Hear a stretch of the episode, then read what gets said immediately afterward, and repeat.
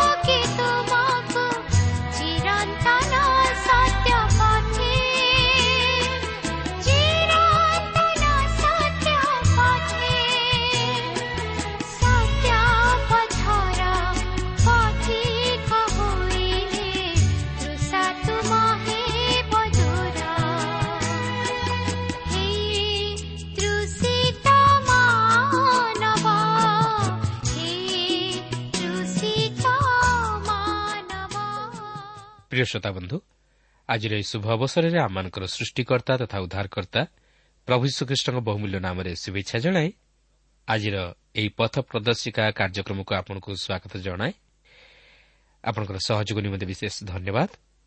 ଆପଣଙ୍କର ପ୍ରାର୍ଥନାର ଅନୁରୋଧ ରକ୍ଷା କରି ଆମେ ମଧ୍ୟ ଆପଣଙ୍କ ନିମନ୍ତେ ପ୍ରାର୍ଥନା କରୁଅଛୁ। ଆଉ ସେହି ପ୍ରଭୁ ଯୀଶୁ ନିଶ୍ଚିତ ଭାବରେ ଆପଣଙ୍କୁ ସୁରକ୍ଷା କରିବେ। ଆସନ୍ତୁ ପ୍ରଭୁଙ୍କର ବାକ୍ୟ ମଧ୍ୟକୁ ଯିବା ପୂର୍ବରୁ ସଂକ୍ଷେପରେ ପ୍ରାର୍ଥନା କରିବା। ପବିତ୍ର ପ୍ରଭୁ ତୁମର ପବିତ୍ର ନାମର ଧନ୍ୟବାଦ କରୁଅଛୁ ଏହି ସୁନ୍ଦର ସମୟ ପାଇଁ ତୁମର ଜୀବନ୍ତ ବାକ୍ୟ ପାଇଁ ପ୍ରଭୁ ଯେତିକି ସମୟ ଧରି ଆମେ ତୁମର ବାକ୍ୟ ଅଧ୍ୟୟନ ବା ଶ୍ରବଣ କରିବୁ ସେଥିନିମନ୍ତେ ତୁମେ ଆମମାନଙ୍କୁ ଧୀର ସ୍ଥିର ଚିତ ଦାନ କର। ଏକ ସରଳ ବିଶ୍ୱାସର ହୃଦୟ ଦିଅ। ତୁମର ଆଶୀର୍ବାଦ ଏବଂ ଅନୁଗ୍ରହର ବାହୁଛା ତଳେ ଆମ ପ୍ରତ୍ୟେକଙ୍କୁ ପ୍ରଭୁ ତୁମେ ଆବୋରି ରଖ। ଯୀଶୁଙ୍କ ନାମରେ ମାଗୁଅଛୁ।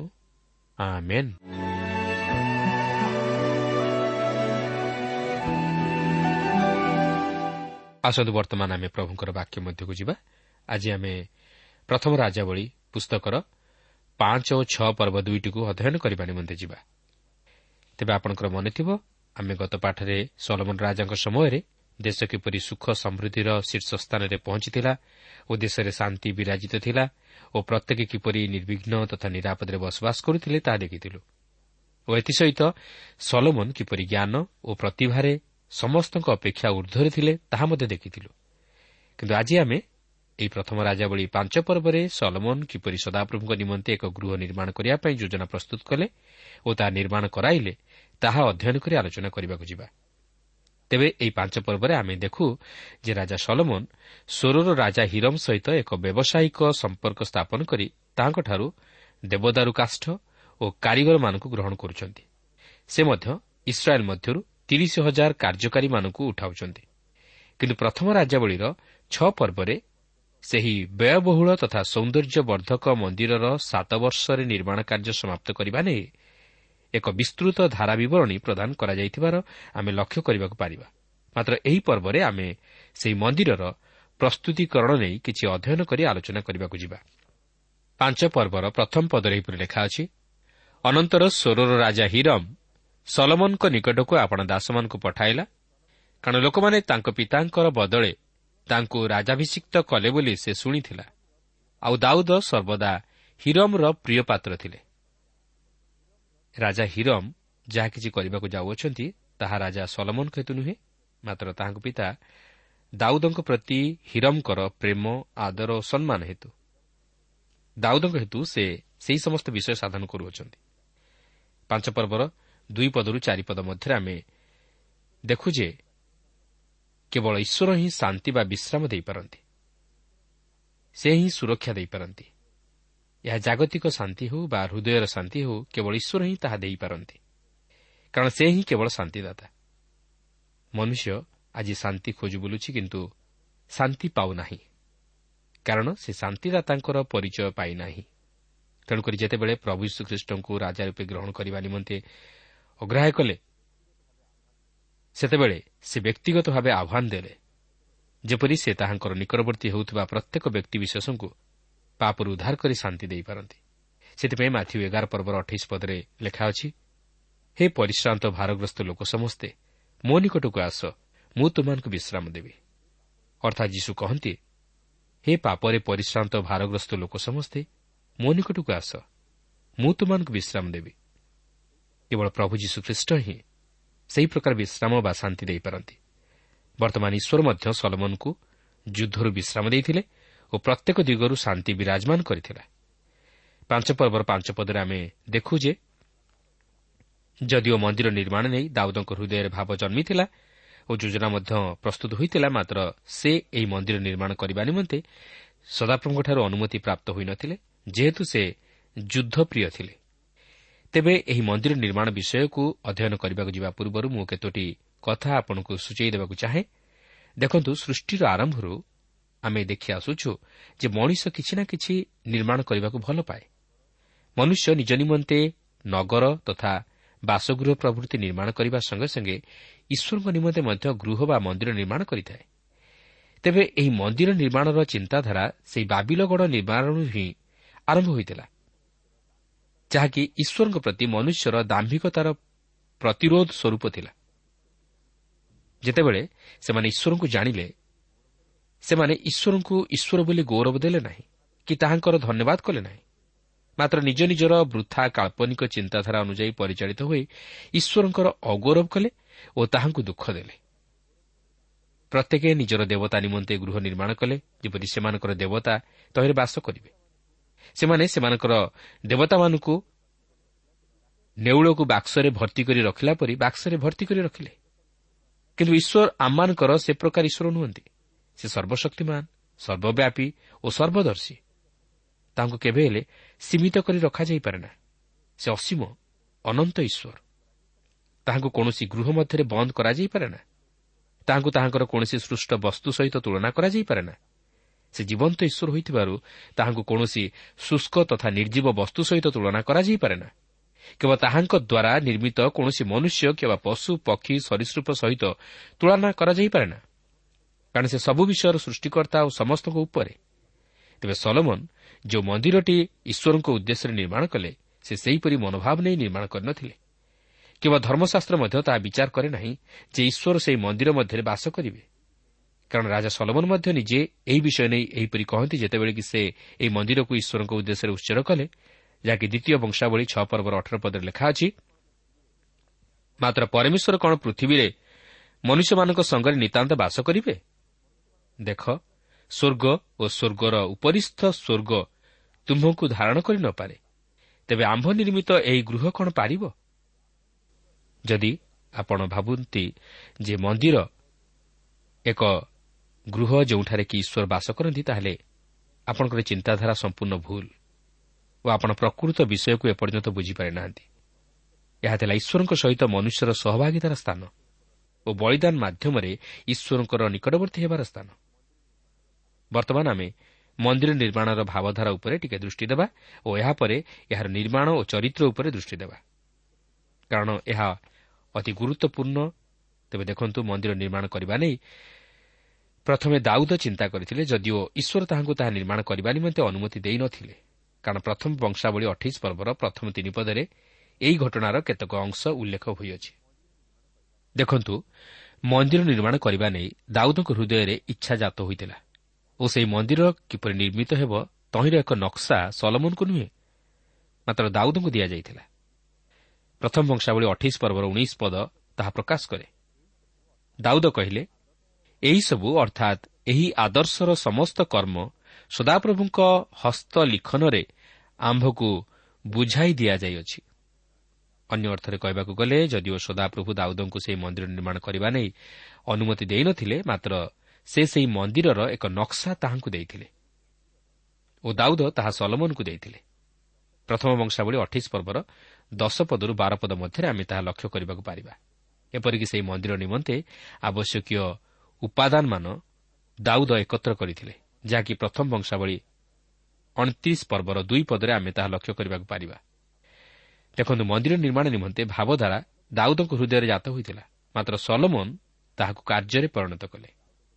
ବର୍ତ୍ତମାନ ଦାଉଦଙ୍କ ଦ୍ୱାରା ଆୟୋଜିତ ସେହି ସମସ୍ତ ଉପାଦାନଗୁଡ଼ିକୁ ନେଇ ରାଜା ସଲମନ ସ୍ୱରର ରାଜା ହିରମ୍ ସହିତ କଥାବାର୍ତ୍ତା କରି ତାହାଙ୍କଠାରୁ ଦେବଦାରୁ କାଷ୍ଠ ଆଣି ସେହି ନିର୍ମାଣର କାର୍ଯ୍ୟକୁ ଆରମ୍ଭ କଲେ।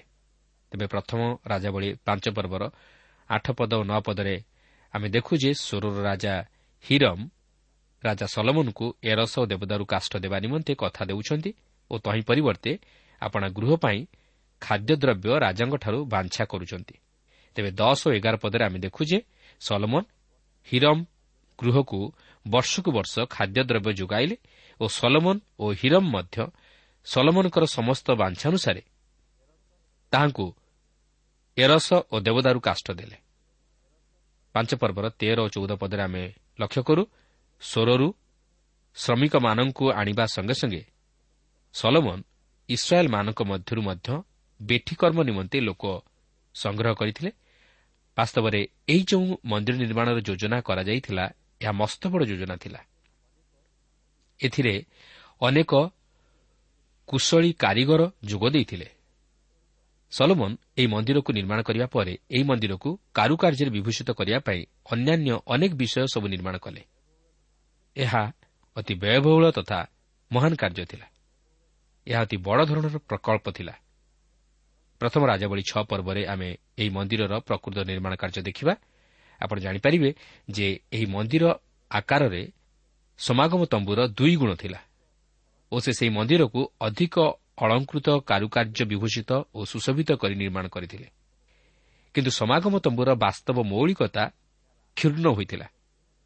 ଏହାର ଆତ୍ମିକ ଜୀବନରେ ଅଧପତନ ଘଟିଥିଲା। ଏହାର ବାହ୍ୟ ସୌନ୍ଦର୍ଯ୍ୟତା ବୃଦ୍ଧି ପାଇଥିଲା ମାତ୍ର ଆତ୍ମିକ ସୌନ୍ଦର୍ଯ୍ୟତା ବେଳକୁ ବେଳ ନିମ୍ନଗାମୀ ହୋଇଥିଲା ଯାହାକି ଆମେ ପରେ ଦେଖିବାକୁ ପାରିବା। ଏହାପରେ ପାଞ୍ଚ ପର୍ବର ପନ୍ଦର ପଦରୁ ଅଠର ପଦ ମଧ୍ୟରେ ଏହିପରି ଲେଖା ଅଛି ପୁଣି ସଲମନଙ୍କର ସତୁରି ହଜାର ଭାରବାହକ ଓ ପର୍ବତରେ ଅଶୀ ହଜାର ପଥର କଟାଳି ଥିଲେ ଏହାଛଡ଼ା କର୍ମକାରୀ ଲୋକମାନଙ୍କ ଉପରେ ସଲମନଙ୍କର ତିନି ହଜାର ତିନିଶହ ପ୍ରଧାନ କାର୍ଯ୍ୟାଧ୍ୟକ୍ଷ ନିଯୁକ୍ତ ଥିଲେ। ପୁଣି ପ୍ରସ୍ତୁତ ପ୍ରସ୍ତରରେ ଗୃହର ଭିତ୍ତିମୂଳ ସ୍ଥାପନ କରିବା ନିମନ୍ତେ ସେମାନେ ରାଜାଜ୍ଞାରେ ବୃହତ୍ ପ୍ରସ୍ତର ଓ ମୂଲ୍ୟବାନ ପ୍ରସ୍ତର ଖୋଳିଲେ। ଆଉ ସଲମନଙ୍କର ଓ ହିରମ୍ର ରାଜମିସ୍ତ୍ରୀମାନେ ଓ ଗିବ୍ଲିୟ ଲୋକମାନେ ସେସବୁର ଗଠନ କଲେ। ଏହି ରୂପେ ସେମାନେ ଗୃହ ନିର୍ମାଣ ନିମନ୍ତେ କାଷ୍ଠ ଓ ପ୍ରସ୍ତର ପ୍ରସ୍ତୁତ କଲେ। ଏଥିରୁ ଆପଣ ଅନୁମାନ କରିପାରୁଥିବେ ଏହା କେତେ ବଡ଼ ଯୋଜନା ନ ହୋଇଥିବ। କିନ୍ତୁ ଏହାର ବାହ୍ୟ ଆକର୍ଷଣୀ ଓ ସୌନ୍ଦର୍ଯ୍ୟତା ଏହାର ପତନର କାରଣ ହେଲା। ଏହାର ଆତ୍ମିକତାକୁ କ୍ଷୁର୍ଣ୍ଣ କଲା। ଏହାର ବାହ୍ୟ ସୌନ୍ଦର୍ଯ୍ୟରେ ବିମୋହିତ ହୋଇ ଲୋକେ ଆତ୍ମିକତାକୁ ଭୁଲିଗଲେ। ଏହାର ଆତ୍ମିକ ସୌନ୍ଦର୍ଯ୍ୟ ରକ୍ଷା କରିବା ଉପରେ କେହି ହେଲେ ବିଶେଷ ପ୍ରାଧାନ୍ୟ ଦେଲେ ନାହିଁ। ତାଛଡ଼ା ଏଥିରେ ଖଚିତ ହୋଇଥିବା ବହୁମୂଲ୍ୟ ଅଳଙ୍କାର ଓ ପ୍ରସ୍ତର ପ୍ରଭୃତି ଏହାର ପତନର କାରଣ ହେଲା। ଶତ୍ରୁ ଏହିସବୁ ପ୍ରତି ଲୋଭାସକ୍ତ ହୋଇ ଏହି ମନ୍ଦିର ଉପରେ ଆକ୍ରମଣ କରି ସମସ୍ତ ବହୁମୂଲ୍ୟ ଅଳଙ୍କାର ଓ ପ୍ରସ୍ତରଗୁଡ଼ିକୁ ନେଇଗଲେ। ତେବେ ଏହି ସମସ୍ତ ବିଷୟ ଆମେ ପରେ ଅଧ୍ୟୟନ କଲେ ଜାଣିପାରିବା କିନ୍ତୁ ଏଠାରେ ମୁଁ କହି ରଖେ ସଲମନ ସଦାପ୍ରଭୁଙ୍କ ଉଦ୍ଦେଶ୍ୟରେ ଏହିପରି ଏକ ବହୁମୂଲ୍ୟ ତଥା ବ୍ୟୟବହୁଳ ଓ ମସ୍ତ ବଡ଼ ମନ୍ଦିର ନିର୍ମାଣ କଲେ। କିନ୍ତୁ ଏହାର ବିଶାଳତା ଓ ସୌନ୍ଦର୍ଯ୍ୟତା ଏହାର ପତନର କାରଣ ହେଲା। ପ୍ରଭୁ ବାହାରର ସୌନ୍ଦର୍ଯ୍ୟତାକୁ ଦେଖନ୍ତି ନାହିଁ ମାତ୍ର ଅନ୍ତରର ସୌନ୍ଦର୍ଯ୍ୟକୁ ଦେଖନ୍ତି। ସେ ଆମମାନଙ୍କର ବାହିକତାକୁ ଦେଖନ୍ତି ନାହିଁ ମାତ୍ର ଆନ୍ତରିକତାକୁ ଦେଖନ୍ତି। ସେଦିନ ଲୋକେ ସଦାପ୍ରଭୁଙ୍କୁ ଗୌରବ ନ ଦେଇ ସଲମନଙ୍କୁ ଓ ସେହି ମନ୍ଦିରର ବାହ୍ୟ ସୌନ୍ଦର୍ଯ୍ୟକୁ ଗୌରବ ଦେଲେ। ସେମାନେ ସେହି ମନ୍ଦିରକୁ ଦେଖି ଈଶ୍ୱରଙ୍କର ପ୍ରଶଂସା କଲେ ନାହିଁ ମାତ୍ର ସଲମନଙ୍କର ପ୍ରଶଂସା କଲେ ଯଦ୍ୱାରା ଈଶ୍ୱର ମଧ୍ୟ ତହିଁରେ ଗଭୀର ଦୁଃଖ ପ୍ରକାଶ କଲେ। କିନ୍ତୁ ସେହି ସମସ୍ତ ପଥର ବା ତହିଁର ସୌନ୍ଦର୍ଯ୍ୟ ଦୀର୍ଘ ଦିନ ଧରି ରହିଲା ନାହିଁ। ଏହାର ପତନ ଘଟିଲା। ପ୍ରିୟ ବନ୍ଧୁ ଆମେ ଈଶ୍ୱରଙ୍କୁ ଗୌରବ ଦେବା ଉଚିତ ଓ ତାହାଙ୍କର ପ୍ରଶଂସା କରିବା ଉଚିତ। ଆମେ ଈଶ୍ୱରଙ୍କ ମନ୍ଦିରର ଆତ୍ମିକତା ଉପରେ ବିଶେଷ ଦୃଷ୍ଟି ଦେବା ଉଚିତ ଓ ଈଶ୍ୱରଙ୍କ ମନ୍ଦିରର ପବିତ୍ରତା ପ୍ରତି ଦୃଷ୍ଟି ଦେବା ଉଚିତ। ବର୍ତ୍ତମାନ ଆମେ ଏହି ପ୍ରଥମ ରାଜାବଳୀ ଛଅ ପର୍ବରେ ସଲୋମନ କିପରି ମନ୍ଦିର ନିର୍ମାଣ କଲେ ତାହା ଅଧ୍ୟୟନ କରି ଆଲୋଚନା କରିବାକୁ ଯିବା। ଓ ତହିଁରୁ ଆମମାନଙ୍କର ଆଧ୍ୟାତ୍ମିକ ଜୀବନ ନିମନ୍ତେ କିଛି ଶିକ୍ଷା ଗ୍ରହଣ କରିବା। ଦେଖନ୍ତୁ ଛଅ ପର୍ବର ପ୍ରଥମ ପଦରେ ଏହିପରି ଲେଖା ଅଛି। ମିଶ୍ର ଦେଶରୁ ଇସ୍ରାଏଲ୍ ସନ୍ତାନଗଣ ବାହାରି ଆସିଲା ଉତ୍ତାରେ ଚାରିଶହ ଅଶୀ ବର୍ଷରେ ଓ ଇସ୍ରାଏଲ୍ ଉପରେ ସଲମନଙ୍କର ରାଜତ୍ୱର ଚତୁର୍ଥ ବର୍ଷର ଶିବ୍ ନାମକ ଦ୍ୱିତୀୟ ମାସରେ ସେ ସଦାପ୍ରଭୁଙ୍କ ଉଦ୍ଦେଶ୍ୟରେ ଗୃହ ନିର୍ମାଣ କରିବାକୁ ଆରମ୍ଭ କଲେ। ଏଠାରେ ଆମେ ସେହି ମନ୍ଦିର ନିର୍ମାଣର ସମୟ ଉଲ୍ଲେଖ ହୋଇଥିବାର ଲକ୍ଷ୍ୟ କରୁଅଛୁ। ଏହା ଇସ୍ରାଏଲ୍ ଉପରେ ସଲମନଙ୍କର ରାଜତ୍ୱର ଚତୁର୍ଥ ବର୍ଷର ଶିବ୍ ନାମକ ଦ୍ୱିତୀୟ ମାସରେ ନିର୍ମିତ ହୋଇଥିଲା ଅର୍ଥାତ୍ ନିର୍ମାଣ କାର୍ଯ୍ୟ ଆରମ୍ଭ ହୋଇଥିଲା। ଏଥିରୁ ଏହି ମନ୍ଦିର ନିର୍ମାଣର ସତ୍ୟାସତ୍ୟ ଜଣାଯାଏ। ଛଅ ପର୍ବର ଦୁଇ ପଦରେ ଆମେ ଦେଖୁ ଯେ ମନ୍ଦିରର ଦୈର୍ଘ୍ୟ ପ୍ରସ୍ଥ ଓ ଉଚ୍ଚତାର ଏକ ମାପକାଠି ପ୍ରଦାନ କରାଯାଇଅଛି। ମନ୍ଦିରର ଦୀର୍ଘତା ଷାଠିଏ ହାତ ଓ ପ୍ରସ୍ଥ କୋଡ଼ିଏ ହାତ ଓ ଉଚ୍ଚତା ତିରିଶ ହାତ ଥିଲା। ତେବେ ମନ୍ଦିରର ଉଚ୍ଚତା ସମାଗମ ତମ୍ବୁର ଉଚ୍ଚତାର ତିନିଗୁଣ ଥିଲା। କିନ୍ତୁ ମନ୍ଦିର ଯଦିଓ ଛୋଟ ଥିଲା ମାତ୍ର ଏହା ଏକ ରତ୍ନ ପରି ଥିଲା କାରଣ ରତ୍ନ ବା ହୀରା ଯଦିଓ ଆକାରରେ ସେତେ ବଡ଼ ନୁହେଁ ମାତ୍ର ଏହା ଅତି ମୂଲ୍ୟବାନ ବସ୍ତୁ ଥିଲା। ତେଣୁ ସଲମନ ଯେଉଁ ମନ୍ଦିର ନିର୍ମାଣ କରିଥିଲେ ତାହା ଆକାରରେ ଯଦିଓ ସେତେ ବୃହତ୍ ନଥିଲା ମାତ୍ର ତହିଁରେ ଯେଉଁ ବହୁମୂଲ୍ୟ ପ୍ରସ୍ତର ତଥା ଅଳଙ୍କାରମାନ ଖଚିତ ହୋଇଥିଲା ସେଥିନିମନ୍ତେ ଏହା ଅତି ମୂଲ୍ୟବାନ ଓ ବୃହତ୍ ମନ୍ଦିର ଥିଲା। ଓ ଏହା ଦୂରରୁ ରତ୍ନ ମୁଣ୍ଡା ପରି ଦେଖାଯାଉଥିଲା। ଛଅ ପର୍ବର ତିନି ପଦରୁ ସାତ ପଦ ମଧ୍ୟରେ ଆମେ ଏହି ମନ୍ଦିରଟି ଅତି ସୁନ୍ଦର ଯୋଜନା ଅନୁଯାୟୀ ନିର୍ମିତ ହୋଇଥିବାର ଲକ୍ଷ୍ୟ କରିବାକୁ ପାରୁ। ଏହା ଯଦିଓ ଦୈର୍ଘ୍ୟରେ ସେତେ ବଡ଼ ନଥିଲା ମାତ୍ର ଆକାରରେ ବଡ଼ ଥିଲା। ଏହା ତିନି ମହଲା ବିଶିଷ୍ଟ ଥିଲା ଓ ତିନି ପାଖରେ ଘେରି ରହିଥିଲା। ଏହି ସ୍ଥାନରେ ଯାଜକ ଈଶ୍ୱରଙ୍କ ସେବା କାର୍ଯ୍ୟ ପରିଚାଳନା କରିବା ସମୟରେ ରହୁଥିଲେ। ଏହି ମନ୍ଦିରଟି ଆଧୁନିକ ଧରଣର ଶୈଳୀରେ ନିର୍ମିତ ହୋଇଥିଲା। ଆଉ ଏକ ଆଶ୍ଚର୍ଯ୍ୟର ବିଷୟ ହେଉଛି ଯେ ଏହି ମନ୍ଦିରଟି ନିର୍ମାଣ କରିବା ସମୟରେ କୌଣସି ହାତୁଡ଼ି କି ବଟାଳିର ଶବ୍ଦ ଶୁଣାଯାଇ ନଥିଲା ଏଥିରୁ ଆପଣ ଅନୁମାନ କରିପାରୁଥିବେ ଯେ ଏହି ମନ୍ଦିରଟିକୁ ନିର୍ମାଣ କରିବା ନିମନ୍ତେ ସଲମନ କେତେଦୂର ଯୋଜନା କରିନଥିବେ। ଏହି ମନ୍ଦିରଟିକୁ ଅତି ଶୃଙ୍ଖଳିତ ଭାବେ ନିର୍ମାଣ କରାଯାଇଥିଲା। ସମାଗମ ତମ୍ବୁରେ ବ୍ୟବହୃତ ହେଉଥିବା ଗୋଟିଏ ଦୀପବୃକ୍ଷ ପରିବର୍ତ୍ତେ ସେ ଦଶଟି ଦୀପବୃକ୍ଷ ରଖିଥିଲେ ଓ ଗୋଟିଏ ଦର୍ଶନୀ ରୋଟିର ମେଜ ରଖିବା ପରିବର୍ତ୍ତେ ସେ ଦଶଟି ମେଜ ରଖିଥିଲେ। ଏହିପରି ଭାବେ ମନ୍ଦିର ମଧ୍ୟରେ ବ୍ୟବହୃତ ହେବାକୁ ଥିବା କେତେକ ବ୍ୟବହାର୍ଯ୍ୟ ଉପକରଣ ସେ ଅଧିକ ସଂଖ୍ୟାର ରଖିଥିଲେ। ଏହି ମନ୍ଦିର ନିର୍ମାଣ କାର୍ଯ୍ୟରେ ତିରିଶ ହଜାର ଇସ୍ରାଏଲୀୟ ଲୋକ ନିଯୁକ୍ତି ପାଇଥିଲେ। ଏତଦ୍ବ୍ୟତୀତ ଅଧିକ ଏକଶହ ପଚାଶ ହଜାର ଶ୍ରମିକ ଥିଲେ ଓ ସେହି କାର୍ଯ୍ୟର ତଦାରଖ ନିମନ୍ତେ ପ୍ରାୟ ତେତିଶ ଶହ ପ୍ରଧାନ କାର୍ଯ୍ୟାଧ୍ୟକ୍ଷ ନିଯୁକ୍ତ ଥିଲେ। ସୋରର ରାଜା ହିରମ୍ ସେହି କାର୍ଯ୍ୟ ନିମନ୍ତେ ଉପକରଣମାନ ଯୋଗାଇଲେ। ଏହିପରି ଭାବେ ମନ୍ଦିରଟି ସାତ ବର୍ଷ ଛଅ ମାସ ମଧ୍ୟରେ ସମ୍ପୂର୍ଣ୍ଣ ହେଲା। ଏହି ମନ୍ଦିରଟି ଯଦିଓ ପଥରରେ ନିର୍ମିତ ହୋଇଥିଲା ମାତ୍ର କୌଣସି ଲୌହାସ୍ତ୍ରର ଶବ୍ଦ ଶୁଣାଯାଇ ନ ଥିଲା ଏହା ପ୍ରକୃତରେ ଏକ ରତ୍ନ ବାକ୍ସ ସଦୃଶ ଥିଲା। ଏହି ମନ୍ଦିରରେ ଦୁଇଟି ସ୍ତମ୍ଭ ଥିଲା ଯାହାକି ଅତି ଚିତ୍ତାକର୍ଷକ ଥିଲା। ପରେ ଆମେ ସେହି ସମସ୍ତ ବିଷୟ ଲକ୍ଷ୍ୟ କରିବାକୁ ଯିବା। ତେବେ ମୁଁ ଏହି ସମସ୍ତ ବିଷୟ ଏକ ତୁଳନାତ୍ମକ ଭାବେ ଉପସ୍ଥାପିତ କରିଅଛି। ଏହି ମନ୍ଦିରଟି କେବଳ ଆଭ୍ୟନ୍ତରୀଣ ଦୃଷ୍ଟିକୋଣରୁ ନୁହେଁ ମାତ୍ର ଏହାର ବାହ୍ୟ ଦୃଷ୍ଟିକୋଣରୁ ନେଇ ମଧ୍ୟ ଏହା ସମାଗମ ତମ୍ବୁ ଅପେକ୍ଷା ନିମ୍ନ ଧରଣର ଥିଲା। ଯଦିଓ ଏହାକୁ ରତ୍ନମଣ୍ଡିତ କରାଯାଇଥିଲା ମାତ୍ର ଏହାର ବାସ୍ତବ ମୌଳିକତା ପ୍ରତି ଦୃଷ୍ଟି ଦିଆ ନ ଯିବାରୁ ଏହା ସମାଗମ ତମ୍ବୁଠାରୁ ନିମ୍ନମାନର ଥିଲା। ଆମେ ଜାଣୁ ଯେ ଇସ୍ରାଏଲ୍ ସନ୍ତାନଗଣ ସେହି ସମାଗମ ତମ୍ବୁ ମଧ୍ୟରେ ପ୍ରବେଶ କରି ତହିଁରେ ଈଶ୍ୱରଙ୍କର ଉପାସନା କରୁଥିଲେ। ଯାହାକୁ ଆବାସ ବୋଲି ମଧ୍ୟ କହନ୍ତି। ଯଦିଓ ଏହା ତମ୍ବୁ ଦ୍ୱାରା ନିର୍ମିତ ହୋଇଥିଲା ମାତ୍ର ଏହାର ପବିତ୍ରତା ଓ ମୌଳିକତା ପ୍ରତି ବିଶେଷ ଦୃଷ୍ଟି ଦିଆଯାଉଥିଲା। ଏହାର ପ୍ରତ୍ୟେକଟି ଉପକରଣର ପବିତ୍ରତା ପ୍ରତି ଦୃଷ୍ଟି ଦିଆଯାଉଥିଲା ଓ ଈଶ୍ୱରଙ୍କ ପବିତ୍ର ଉପସ୍ଥିତି ତହିଁ ମଧ୍ୟରେ ବିରାଜମାନ କରୁଥିଲା। ଲୋକେ ସେହି ତମ୍ବୁ ମଧ୍ୟରେ ଈଶ୍ୱରଙ୍କର ପବିତ୍ର ଉପସ୍ଥିତିକୁ ଅନୁଭବ କରୁଥିଲେ ଓ ଈଶ୍ୱରଙ୍କୁ ଗୌରବ ଦେବା ସଙ୍ଗେ ସଙ୍ଗେ ତାହାଙ୍କ ଉଦ୍ଦେଶ୍ୟରେ ନୈବେଦ୍ୟ ତଥା ବଳି ପ୍ରଭୃତି ଉତ୍ସର୍ଗ କରି ପରମେଶ୍ୱରଙ୍କର ନିକଟବର୍ତ୍ତୀ ହେଉଥିଲେ। କିନ୍ତୁ ସଲମନଙ୍କ ଦ୍ୱାରା ନିର୍ମିତ ମନ୍ଦିରଟି ଯଦିଓ ବହୁ ମୂଲ୍ୟବାନ ପ୍ରସ୍ତରରେ ନିର୍ମିତ ହୋଇଥିଲା ଓ ସୁବର୍ଣ୍ଣରେ ମଣ୍ଡିତ ହୋଇଥିଲା ମାତ୍ର ତହିଁରେ ଈଶ୍ୱରଙ୍କ ଉପସ୍ଥିତି ନଥିଲା କି ଲୋକମାନେ ତହିଁ ମଧ୍ୟରେ ଈଶ୍ୱରଙ୍କ ଉପସ୍ଥିତିକୁ ଉପଲବ୍ଧି କରିପାରୁନଥିଲେ ଯେହେତୁ ତହିଁର ପବିତ୍ରତା ପ୍ରତି ଦୃଷ୍ଟି ଦିଆଯାଇ ନଥିଲା ଓ ଏହି ମନ୍ଦିର ଦ୍ୱାରା ଈଶ୍ୱରଙ୍କ ଗ୍ରାହ୍ୟ ଧାର୍ମିକତା ସାଧିତ ହୋଇପାରିଲା ନାହିଁ। ପ୍ରଥମତଃ ଏହି ମନ୍ଦିରର ନିର୍ମାଣ ଶୈଳୀ ଅତି ଜଟିଳ ଥିଲା। ସମାଗମ ତମ୍ବୁର ଯେଉଁ ମୌଳିକତା ତାହା ନଷ୍ଟ ହୋଇଯାଇଥିଲା। ତେଣୁକରି ଆପଣ ଦେଖିବେ ଯେ ନୂତନ ନିୟମରେ ମନ୍ଦିର ଉପରେ ଗୁରୁତ୍ୱ ଦିଆ ନ ଯାଇ ସମାଜ ଗୃହମାନଙ୍କ ଉପରେ ଗୁରୁତ୍ୱ ଦିଆଯାଉଥିଲା ଓ ଏହିସବୁକୁ ସମାଗମ ତମ୍ବୁର ଶୈଳୀରେ ନିର୍ମିତ କରାଯାଇ ତହିଁର ଉପାସନାର ପଦ୍ଧତି ସମାଗମ ତମ୍ବୁର ପଦ୍ଧତି ଅନୁଯାୟୀ କରାଯାଉଥିଲା। କାହିଁକି ଜାଣନ୍ତି? କାରଣ ମନ୍ଦିର ଅତି ଜଟିଳ ଆକାର ଧାରଣ କରିଥିଲା। ଏଥିରୁ ମଧ୍ୟ ଆମକୁ ଅନେକ କିଛି ଶିକ୍ଷା ମିଳେ। କାରଣ ଆମେ ବର୍ତ୍ତମାନ ଯେଉଁ ସମୟରେ ବସବାସ କରୁଅଛୁ ଏହି ସମୟରେ ଉପାସନାର ପଦ୍ଧତି ଉପରେ ବିଶେଷ ଗୁରୁତ୍ୱ ଦିଆଯାଏ। ଏହାର ବାହିକ ନୀତିନିୟମ ପାଳନ କରିବା ନେଇ ବିଶେଷ ଦୃଷ୍ଟି ଦିଆଯାଏ। ମାତ୍ର ଈଶ୍ୱରଙ୍କ ବାକ୍ୟ ପ୍ରଚାର ତଥା ଶିକ୍ଷା ଉପରେ ବିଶେଷ ଗୁରୁତ୍ୱ ଦିଆଯାଏ ନାହିଁ। ଅନ୍ୟାନ୍ୟ ଅନେକ ସାଂସ୍କୃତିକ ତଥା ଆନୁଷ୍ଠାନିକ କାର୍ଯ୍ୟକ୍ରମ ଉପରେ ବିଶେଷ ଗୁରୁତ୍ୱ ଦିଆଯାଏ। ମାତ୍ର ଆତ୍ମିକତା ଉପରେ ବିଶେଷ ଦୃଷ୍ଟି ଦିଆଯାଏ ନାହିଁ। କିନ୍ତୁ ଈଶ୍ୱରଙ୍କ ବାକ୍ୟ ପ୍ରଚାର ପ୍ରତି ଯଦି ଆମେ ଗୁରୁତ୍ୱ ଦେଉନାହୁଁ ତାହେଲେ ଆମେ ଈଶ୍ୱରଙ୍କର ମହତ ଅଭିମତ ସଫଳ କରିବାରେ ବିଫଳ ହୋଇଛୁ। ଆମେ ଈଶ୍ୱରଙ୍କ ଉଦ୍ଦେଶ୍ୟରେ ଏକ ମସ୍ତ ବଡ଼ ଗୀର୍ଜାଗୃହ ନିର୍ମାଣ କରିପାରୁ ଏହାର ବାହ୍ୟ ସୌନ୍ଦର୍ଯ୍ୟତାକୁ ବଢ଼ାଇପାରୁ ଅନେକ ନୂତନ ନୂତନ କାର୍ଯ୍ୟକ୍ରମମାନ ଆୟୋଜନ କରିପାରୁ। କିନ୍ତୁ ଯଦି ଏହାର ମୌଳିକତା ପ୍ରତି ଯଦି ଆମେ ଦୃଷ୍ଟି ନ ଦେଉ ତାହେଲେ ତହିଁରେ କିଛି ଲାଭ ନାହିଁ। ଈଶ୍ୱରଙ୍କ ମନ୍ଦିରର ପବିତ୍ରତା ପ୍ରତି ଯଦି ଆମେ ଦୃଷ୍ଟି ନ ଦେଉ ଓ ଈଶ୍ୱରଙ୍କ ଉପସ୍ଥିତି ଯଦି ଆମେ ଅନୁଭବ ନ କରୁ ତାହେଲେ ତହିଁରେ କିଛି ତ୍ରୁଟି ଅଛି ବୋଲି ଆମେ ଜାଣିବାକୁ ହେବ ଓ ତାହାକୁ ସଂଶୋଧିତ କରି ଈଶ୍ୱରଙ୍କ ମହତ ଉଦ୍ଦେଶ୍ୟକୁ ସଫଳ କରିବାକୁ ହେବ। ଦ୍ୱିତୀୟ ବିଷୟଟି ମୁଁ ଆପଣଙ୍କର ଦୃଷ୍ଟି ମଧ୍ୟକୁ ଆଣିବାକୁ ଚାହେଁ ଆଉ ତାହା ହେଉଛି ସଲମନ୍ ମନ୍ଦିର ମଧ୍ୟରେ ଝରକାମାନେ ନିର୍ମାଣ କରିଥିଲେ ଯେଉଁ ଝରକା ବାଟେ ପ୍ରଚୁର ଆଲୋକ ଆସିପାରୁନଥିଲା। କିନ୍ତୁ ସମାଗମ ତମୁ ମଧ୍ୟରେ କୌଣସି ଝରକା ନଥିଲା।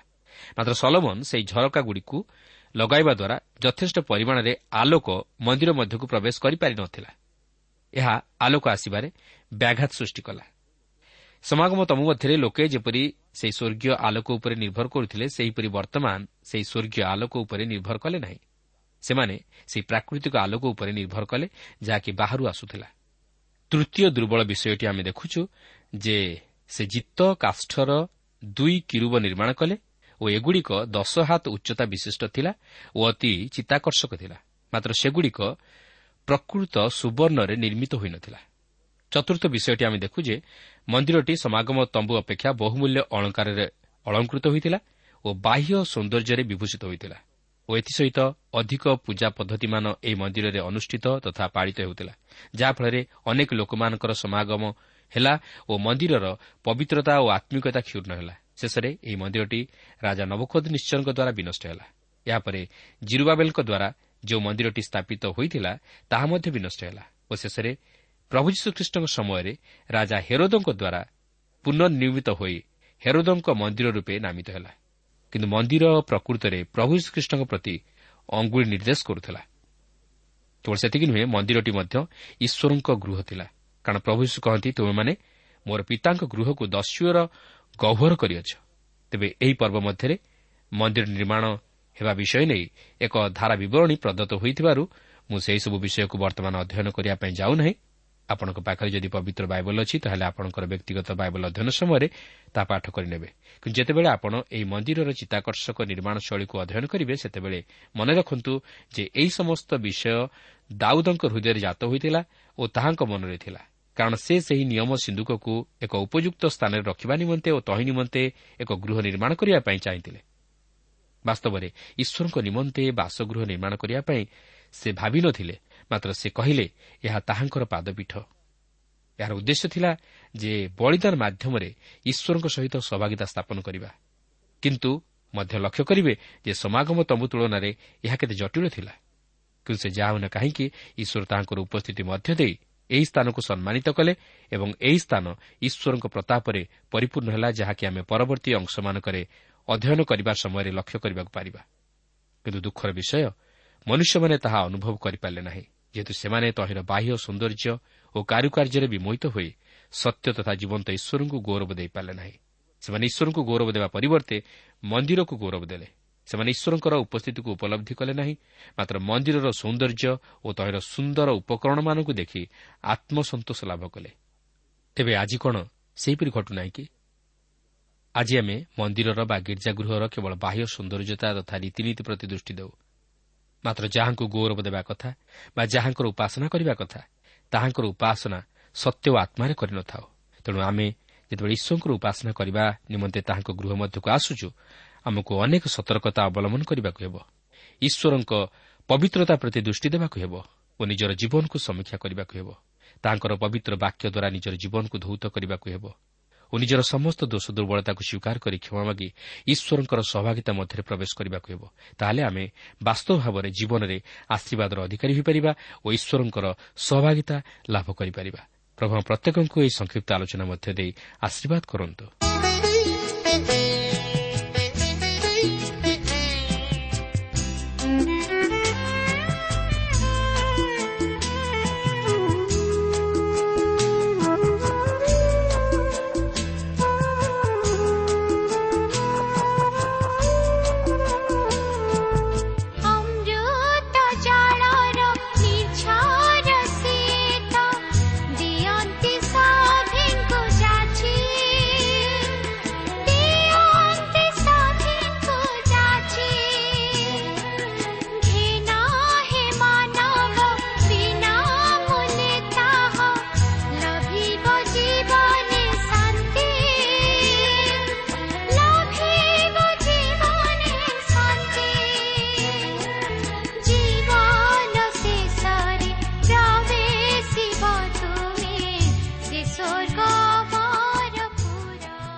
ଶ୍ରୋତା ଆପଣ ଈଶ୍ୱରଙ୍କ ବାକ୍ୟ ଶୁଣିବା ନିମନ୍ତେ ସମୟ ଦେଇଥିବାରୁ ଆମେ ଧନ୍ୟବାଦୀ।